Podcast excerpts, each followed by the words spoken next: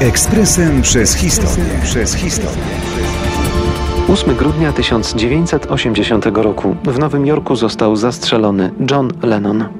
Ten poniedziałek miał być zwykłym, choć bardzo pracowitym dniem. Lennon zaczął go wcześniej, około 7.30, a o 9.00 pojawił się u lokalnego fryzjera, prosząc o fryzurę na modłę tej, którą nosił w latach 50. Tuż po południu do mieszkania Lennonów przybyła fotoreporterka magazynu Rolling Stone i sąsiadka Annie Leibovitz. Fotografowała parę do 15.30, robiąc m.in. słynne później zdjęcie nagiego Johna, który w pozycji embrionalnej obejmuje całkowicie ubraną Yoko.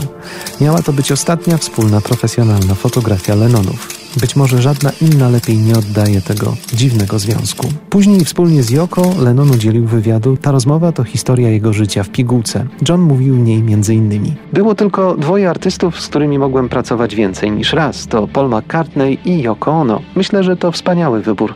Jako poszukiwacz talentów nieźle sobie poradziłem. Ciągle wierzę w miłość, ciągle wierzę w pokój, ciągle wierzę w pozytywne myślenie. Zawsze traktowałem swoją pracę jako całość i mam nadzieję, że nie zostanie ona zakończona dopóki nie umrę i mnie nie pochowają, co mam nadzieję nie nastąpi zbyt szybko.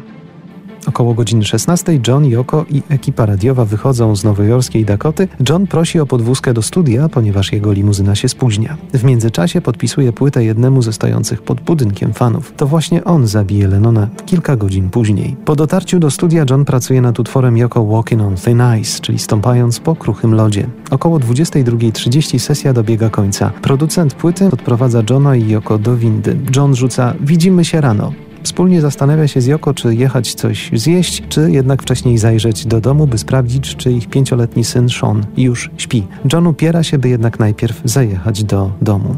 Kiedy docierają na miejsce, Joko wysiada pierwsza, John idzie kilka kroków za nią.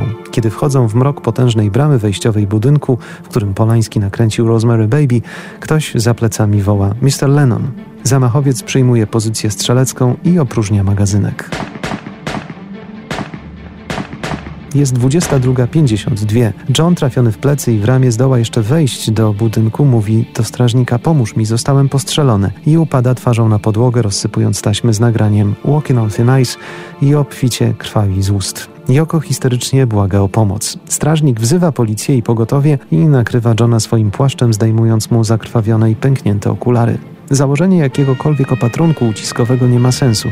Krew jest wszędzie. Jako pierwsi na miejsce docierają policjanci, którzy aresztują niestawiającego oporu zabójcę, który w międzyczasie zajął się czytaniem buszującego w zbożu. Zapytany, czy wie, co zrobił, odpowiada: Właśnie zastrzeliłem Johna Lennona. Policjanci, widząc stan muzyka, decydują się nie czekać na karetkę i wnoszą jego ciało na tylne siedzenie swojego wozu. Ruszają w szaleńczym tempie do najbliższego szpitala, odległego zaledwie kilka przecznic Roosevelt Hospital.